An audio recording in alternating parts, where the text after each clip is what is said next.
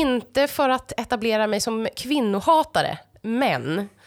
Är det, är alltid en bra start, Kristin. Tack. Är det inte lite genant ändå att konstmuseet Fotografiska i Stockholm ännu en gång har öppnat en utställning med foton på nakna kvinnokroppar. Skyl er kvinnor! Skoja. Nej men eh, den här utställningen får mig att tänka på såna här glossiga modemagasin som ansågs coola på tidigt 00-tal. Kommer du ihåg dem? Ehm, ja, där folk gärna var nakna men också hade dålig hållning och lite smink under ögonen så att det inte skulle se porrigt ut. Är det de du menar? Exakt, knarkporriga bilder på modeller med så här sönderrivna eller knappt inga kläder. Kanske en hatt, resten naken, pris på förfrågan på hatten.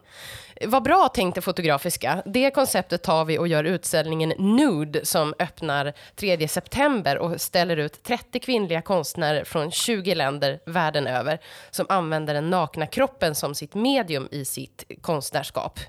Och de skriver så här. Vare sig det är sin egen eller andras kroppar, för konstens skull, skönhetens skull, som representation, självuttryck, subjekt och objekt. De blir alla exempel på en ny eller annan nakenhet i vår tid.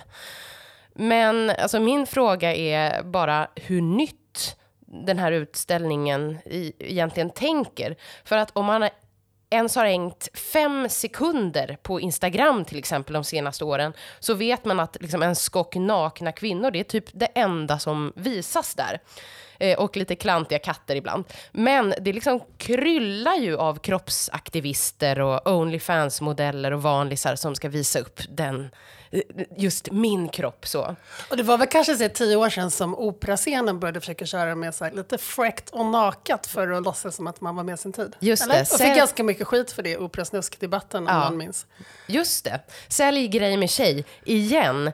Så jag undrar, när hela Instagram då är fyllt med nakna kroppar, vill man då kom, gå på museum för att se exakt samma sak? Man betalar jättemycket pengar för det, ska man inte glömma. Exakt.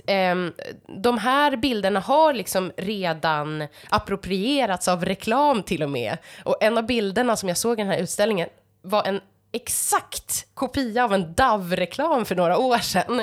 Så höj verkshöjden på idéerna, tack. Och den som sa det var förstås Kristin Macmillan som är min partner här. Jag heter Jenny Aschenbrenner och det här är första avsnittet av podden K-ordet gjord av Dagens ETC. Och vad är det vi ska göra här, Kristin? Det är att ta upp den senaste veckans hetaste kulturdebatter och sånt som har fått oss att tänka till lite. Allting som vi har missat och lite som vi har skrivit om kanske. Förhoppningsvis. En sak som har hänt, inte bara denna vecka utan många, många veckor tidigare är ju de turerna kring superstjärnan Britney Spears och frågan om om hon ska ha makten över sitt liv och sin ekonomi eller inte. Och om hon inte har det, vem ska ha det?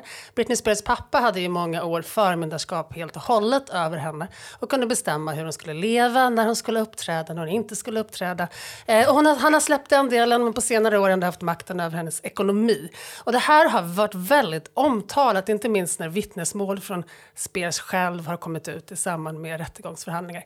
Nu i veckan har han alltså släppt helt och hållet ansvaret för allting som gäller dottern. Men varför ska vi bry oss om det här? Vad säger du, Kristin? Free Britney. Eh jag har ju en relation till henne för att hon var liksom den stora popidolen när jag var tonåring. En som man såg upp till och ville vara lika, eh, lika snygg som om jag ska vara helt ärlig. Men det handlar ju liksom inte bara om henne, eller hur? Nej men alltså det handlar, jag tänker ju att det handlar om alla galna kvinnor på vinden. Alltså alla kvinnor genom historien som har på olika sätt förklarats tokiga, galna, inte tillförlitliga och stoppats undan och vars makt har tagits ifrån dem. Ibland har de ju haft psykiska problem på riktigt, men det rättfärdigar ju inte den här typen av totalt liksom, utsläckande av någons vilja och makt över sitt eget liv. Vilket faktiskt ganska osökt för mig över på en annan stor händelse som har varit den här veckan, nämligen att Dramaten haft premiär för sin stora satsning inför hösten med den nya chefen Mattias Andersson. Och hur hänger det här ihop? Jo, eh, Mattias Andersson fick ta över Dramaten efter en, vad ska man säga, sluttampen på metoo-skandalerna som verkligen, verkligen verkligen har snurrat väldigt mycket kring Dramaten som ju handlat oerhört mycket om kvinnors rätt till sitt eget utrymme, sin egen kropp, Um, och att inte få det invaderat av olika manliga genier. I den sista vändan så var det ju ett skådespelaren Örjan Ramberg som hade ja, misshandelsdomar bakom sig och trakasserat kvinnor i många år. Fick jobba kvar alldeles oavsett och den förra chefen Erik Stube lyckades inte hantera det här överhuvudtaget. Eh, Mattias Andersson kom från Backa teater och har gjort kollektivteater, dokumentärteater, bandat in röster från gatan och från ungdomar från alla möjliga och gjorde nu en sorts kollektivföreställning med hela Dramatens ensemble som verkligen så här, ja men det kändes som en så fint, lite så här interntöntigt men ändå väldigt rart statement kring att så här, nu ska ingen vara bättre mm. än en annan. Alla nu ska vi, med. Alla ska med, mm. alla får plats. Det var fint. Mm. Ja, här sitter vi, två kulturella powerkvinnor i våra hektiska men glamorösa karriärer. Vanliga men ovanliga i allt sus och dus. Eh, var det något du reagerade Nej, men jag här tänkte bara i den på meningen? en kollega till oss kallade oss alldeles nyss för kulturkvinnor. Och då hörde jag här kommer kulturskymningen och blev en liten smula kränkt. Men vi är mer kvinnor än skymning. Ja, nej men jag tänkte på det här ordet powerkvinna som har varit på tapeten de senaste dagarna. I och med premiären av realityprogrammet Svenska powerkvinnor. Eh, eller heter det bara powerkvinnor. Powerkvinnor. Ja, eh, på Viaplay. Och här följs då Camilla Läckberg, Laila Bagge, komikern Kejo, influensen Antonia Mandir och doktorn, doktor Mona. Och tyvärr är det en sak som jag behöver gnälla eh, över. Kör. Och det är de förutsägbara vänsterreaktionerna som har varit på det här realityprogrammet. I Arbetaren så skrev Vesna Prekopic att programmet är trist och taffligt och ett sätt att ytligt tillfredsställa kändisvoyeurister. Och på Instagram så gjorde Proletären en bild där profilerna från powerkvinnor hade kryssats över och bredvid en bild på arbetarkvinnor. Det här är de riktiga powerkvinnorna. Och alltså jag säger inte att liksom, arbetaren och proletären har fel, men är inte det här exakt vad man hade eh, förväntat sig? Eller vad, vad känner du? det är väldigt svårt kanske att reagera på ett annat sätt. Alltså, det är ju väldigt, väldigt svårt att inte måla lite illa av själva ordet powerkvinna eftersom underförstått i det ligger ju att det är någonting, alltså så här, någonting uråldrigt konstigt i att en kvinna har makt. Alltså om man säger powermän så låter ju det som en förövare. Det låter ju som något fruktansvärt. Man skulle inte kunna ha ett program som heter Powermännen. Mm. Alltså om inte det handlade om så här vidriga människor. Um, så att, men samtidigt, hur ska man reagera på det här? Alltså, går det att gilla det? Mm. Vi har ju faktiskt med oss en till gäst här i studion, Sofia, uh, eh, Sofia Olsson från Galago. Vad var Hej. din reaktion när du såg det här programmet? Eh, nej men jag var lite småförtjust. Det här kanske inte var någonting jag hade tittat på om jag inte hade blivit uppmärksammad på det av, av er. Eh, jag tyckte det var ganska skojigt faktiskt. Tyckte eh, det? Jag tyckte det var vansinnigt tråkigt. Det var min enda... Det enda sättet att provocera mig på förutom titeln var att det var så fruktansvärt långtråkigt. Vanliga kvinnor gör vanliga saker. Ja men de är ju inte vanliga. De, de är ju som små illrar som har jobbat i hela sina liv för att nå de här målen. Och det märks ju särskilt på den här extremt roliga influensen. Eh, Antonia Mandir. Antonia Mandir. Att mm. hon, hon var ju liksom helt chockad. Hon hade liksom ett garv på läpparna hela tiden. Så här, Oj, jag har 700 000 följare! Det är otroligt, jag älskar mitt jobb. Ja, men det, det var roligt. Det var och jag tänkte då att hon skulle nog, vad hon än hade tagit sig för, så hade hon lyckats med det. Eh, otroligt driftig, talangfull person. Nu låter jag ju som jag kom in som någon slags nyliberalt alibi här. Men, ja. Eh, det kanske ni behöver. Mm. Nej, men jag, jag, tyckte det var, det var lite skojigt och vad man kan, vad man kan förvänta sig av ett sånt mm. program. Alltså jag tror att det folk mest har reagerat över är det här otroligt töntiga namnet powerkvinna. Det, det låter som hämtat från 80-talet så här. Wow, kan kvinnor jobba? Kvinnor kan. Starka kvinnor. Tydligen. Den typen av hemska ord tänker jag på. Ja, det är, man ska eh, haja till. Men samtidigt blir jag li, liksom lite förvånad över reaktionerna för att det är ju det här som är reality-formatet. Man tar några mer eller mindre kända personer, man bygger dem som extrema varianter av sig själva och så visar man en mer eller mindre regisserad bakom kulisserna-variant av de här karikatyrernas vardag. Så är svenska Hollywoodfruar och så är Wahlgrens värld och så vidare. Men sen kan ju kvaliteten variera och då är det snarare det som är problemet, alltså kvaliteten på hur har, hur har man lyckats klippa fram komiken i det här? Eller är det, tror ni att det är tänkt att vara roligt eller inspirerande? Vad, vad är syftet? Hur ska man titta på det här? Nu, nu tittar båda två på mig som att jag, jag ska försvara svenska powerkvinnor. Ehm, eh, jag vet, jag tänker, första avsnitt av, av såna här grejer brukar ju vara ganska här, trevande och taffliga och eh, reality-personerna eh, kanske inte riktigt är avslappnade. Man märker ju här att ja, Camilla Läckberg går omkring och försöker vara precis som vilken vanlig morgon som helst men eh, lite så ansträngt. Eh, Ja, vem skulle inte vara vanlig. det? Ja men precis, det är ju en omöjlig situation. Eh, förhoppningsvis så, så kommer det väl hända massa konstiga saker framöver. Du har gott hopp om powerkvinnor. Ja, jag har gott hopp om powerkvinnor. Vi går vidare. Ja, en annan ehm, som också kanske är en evig snackis men av underliga skäl blivit väldigt aktuell det är hatet mot Stockholm. Vad vill ni mot mig?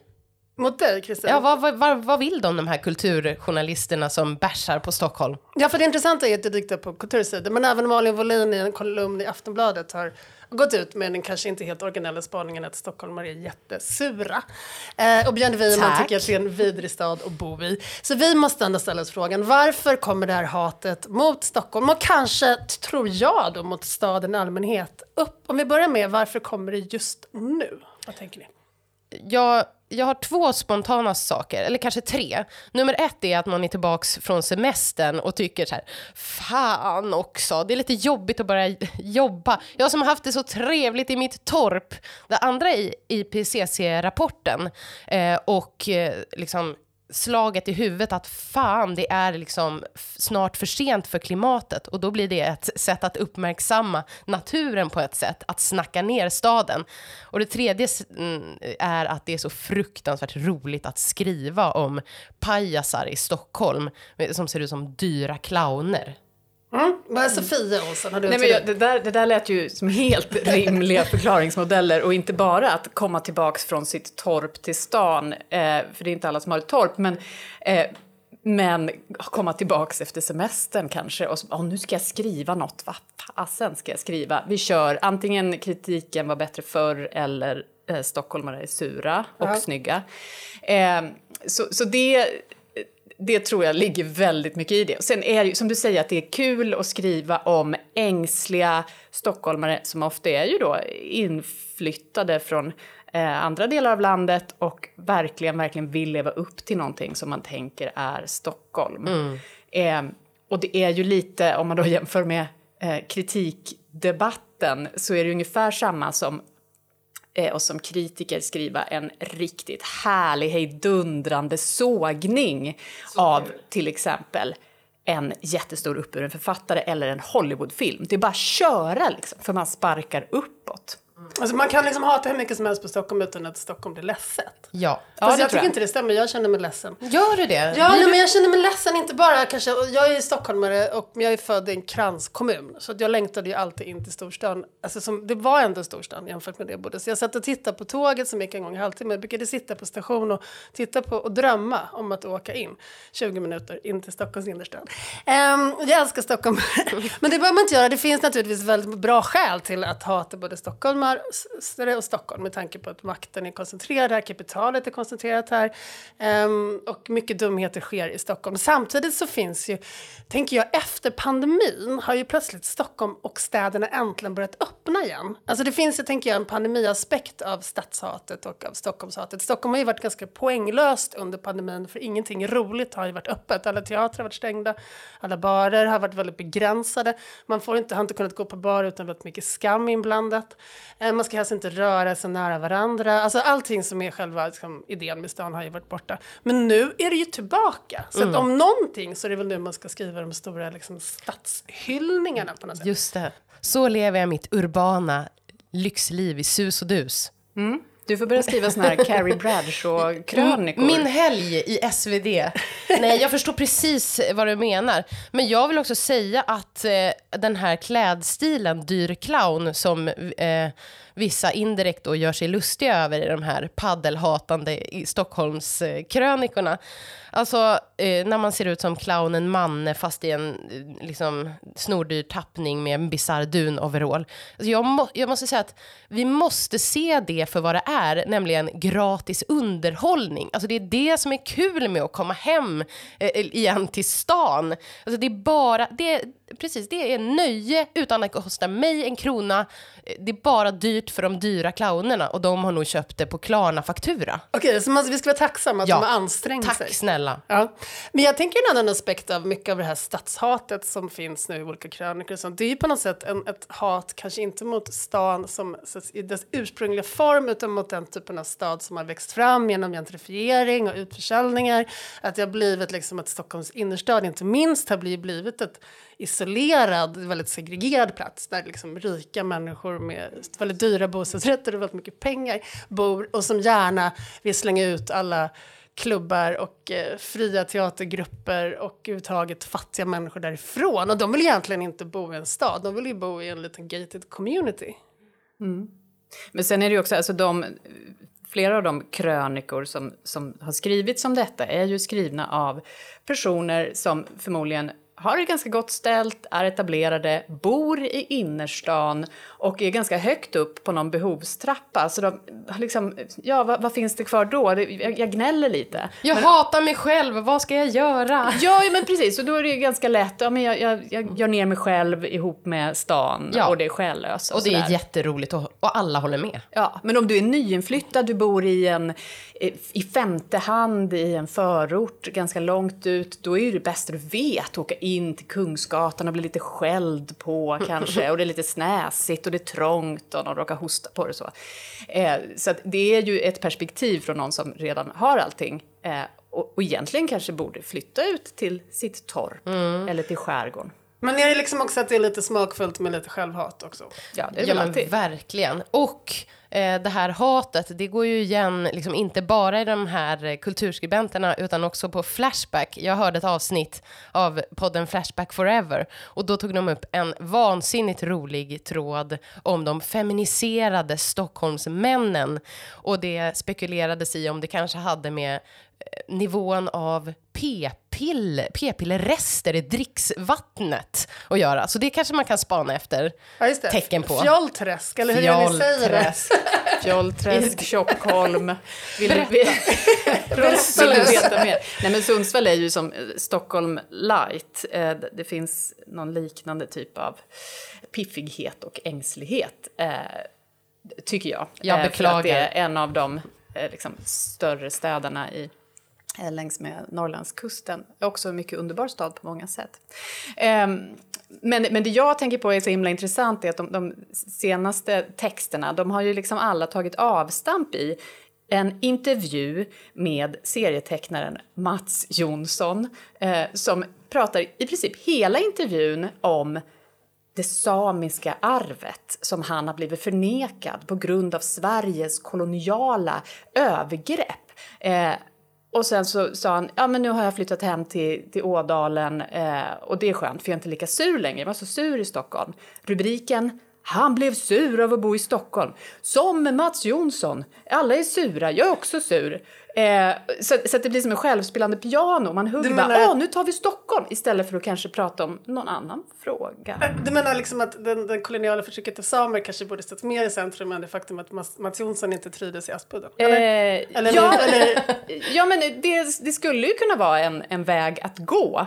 Eh, att istället känna så här gulpreaktionen över det man har fått reda på när man läser eh, den här boken då. Ja. Eh, istället Nej, för att jag, vill läsa, blev- jag vill läsa mer om paddel. Men jag kände att eh, det här feminiseringen var jag väldigt intresserad av. För att det är ju en vanligt återkommande att här, Stockholmsmän, eller kanske stadsmän överhuvudtaget, men extra mycket Stockholmsmän är inte riktiga karar. Men inte, skulle inte inte det en underbar eh, aspekt av Stockholm i så fall? Alltså, Inte enligt Flashback. Ja men enligt er, en större feminisering av Snälla, min man är från Luleå, det är underbart. Varför? Därför att alltså, han, vet ni, han kommer undan med nästan allting bara för sin eh, underbara dialekt. Alltså, han låter så pålitlig. Han är så snäll. Mm. Ja, slut på skryt om min man. Men, eh, nej men absolut. Men jag tänkte Jag mer för. generellt att om, om feminisering av mansläktet man kanske kunde slippa undan ganska mycket eh, våldsbrott till exempel. Eh, ja, nej men jag är helt för eh, feminisering eller överhuvudtaget en utsuddning av könsroller kanske. Eh, ja, men jag tyckte det var, det var en, eh, vad säger man, far-reached eh, spaning men jag gillar den. Okej. Eh, men vad tror ni då, liksom staden, är, det liksom, är den hotad på något sätt på riktigt som dragplåster för människor över hela landet? Stockholm, om vi blir mer specifika. Eh, håller Stockholm på att helt enkelt sluta vara attraktivt? Det är väl så att för första gången på väldigt länge så flyttar det ut fler från Stockholm än vad det flyttar in. Men helt ärligt, gör det så mycket? Nej. Så vad tror du? du, du när flyttade du till Stockholm förresten? Eh, ja, men det är ungefär 20 år sedan. Eh, och jag har faktiskt aldrig haft postadress Stockholm. Jag har aldrig bott inne i stan. Eh, eh, Eh, så det är fortfarande, jag är fortfarande liksom den här förortsungen när jag kommer in till stan. Bara, Åh, vad fint det är här. Så. Men det är en aspekt Ehm. också man sällan pratar om när man pratar om Stockholm att de allra flesta människor bor ju inte på Södermalm eller ens i innerstan. Nej. De flesta människor bor ju i närförorter eller längre bort från förorter eller kranskommuner och har en helt annan vardag runt omkring sig. Inte så mycket padel och inte så mycket Foodora-bud utan mer helt vanlig liksom, Ja, det, det är svensk liksom vardag. småstadsliv. Nej, men jag tror att ehm, om, om man tänker på det, den debatten också som före pandemin med, som du, som du nämnde med att man inte får ha konserter längre och eh, att, att staden töms på liv eh, och att allting är dyrt och snyggt och blankt och så. Eh, det tror jag verkligen har och kommer att ha en förödande effekt ganska lång tid. Eh, och sen får man väl hoppas att det vänder då. Eh, att, att Stockholm blir så pass oattraktivt så att det blir liksom billigt igen och så kan man börja om och så kan det kanske flytta in konstnärer igen och sådär. Lite det blir så trist på. Södermalm så att folk flyttar därifrån till landet och sen kommer konstnärerna inkrypande när husen börjar Mm. förfalla så börjar de öppna alternativa gallerier och spela Mm. skränig musik i källaren och så blir det kul igen. Ja. Jag bor ju i en förort som ligger lite längre bort än närförorter i Skärholmen och där kan man se att det här börjar hända med att det börjar uppstå massa nya kulturhus och kulturcenter. Det pågår en jätterolig utställning i Skärholmen centrum just nu av, av en förening som heter Folk Skärholmen och ja, ett nytt galleri i Bredäng. Allt, och det är olika festivaler det pågår. Men problemet är ju, apropå det här med att, som jag tycker är stadens hela poäng, är ju att vi möts utan att ha planerat det. Att vi knock, krockar in i varandra. Att alla möjliga människor bara passerar, det händer saker. Alltså att våra förorter utanför Stockholm är så otroligt glest bebyggda. Så att ska man ta sig till en specifik grej i Skärholmen så ska man verkligen dit. Eller till så här Kummelholmen, en helt fantastisk konsthall i Vårberg. Ingen passerar förbi där av misstag, inte ens folk som bor i Vårberg. Och därför händer ju, även, även om man kan tänka att ja, men det här är ett alternativ, plötsligt dynamisk kulturnod, så händer ju aldrig det där som kan hända i en riktig innerstad. Att man bara hoppsan, oj, där var det något, vi glider ner, oj, ja, det pågår musik här. Eller hej, här var det konst, eller hej, var jag en människa? Um, där tycker jag ändå någonting går förlorat ordentligt. Vi höll med där. Ni höll med där. Men klokt. eh, jag, jag höll på att fråga dig hur, liksom, vad du trodde om Stockholms attraktionskraft. Jo, men du svarade på det ungefär. Mm, men de här 20 åren i Stockholm, tycker du att det har förändrats mycket? Eh, ja, jag har gjort några små avstickare bort från Stockholm under den tiden också. Eh, jo, men det har det väl gjort. Eh, jag bor ju i den otroligt piffiga förorten Aspudden och för eh, ungefär 20 år sedan så var det ganska farligt i Aspudden. Ehm, sen så, ja, men så ombildades hyresrätter och så ja, blev det väldigt välputsat och sådär. Men det finns ju kvar, det är ju inte så som man kan prata om eh, vissa platser. I Aspudden till exempel, där eh, kör alla Tesla och spelar paddel eller vad det är. Alltså jag, det finns ingen plats i hela Sverige där jag hatar mig själv så mycket som när jag kommer till Aspudden. Är det för att vi är så snygga? För att alla, ja, eftersom alla ser ut exakt som jag. Alltså alla är klädda på identiskt. Alltså jag känner mig så ounik, vilket jag kanske i och för sig borde göra liksom mer till vardags. Men alltså det är ju jätte, väldigt, väldigt homogent. Det får, det får du ändå erkänna. Ja, ja, verkligen. Sen finns det ju kvar andra saker. Det, och det gör det ju alltid. Det finns ju även i innerstan. Eh, det finns ju gamla fattigpensionärer som bor i, Ja, ett gammalt hyreskontrakt. Av och sådär. annat. Till och med Ehm. runt Vasaparken som då är en av kanske Sveriges mest hipstertäta platser så finns det små fickor av billiga hyresrätter där annat folk bor. Men tack så mycket Sofia Olsson. Och då är det här första avsnittet av K-ordet slut. Men vi kommer tillbaka, eller hur Kristin? Nästa vecka. Ja, nästa fredag. Tack. Tack. Tack.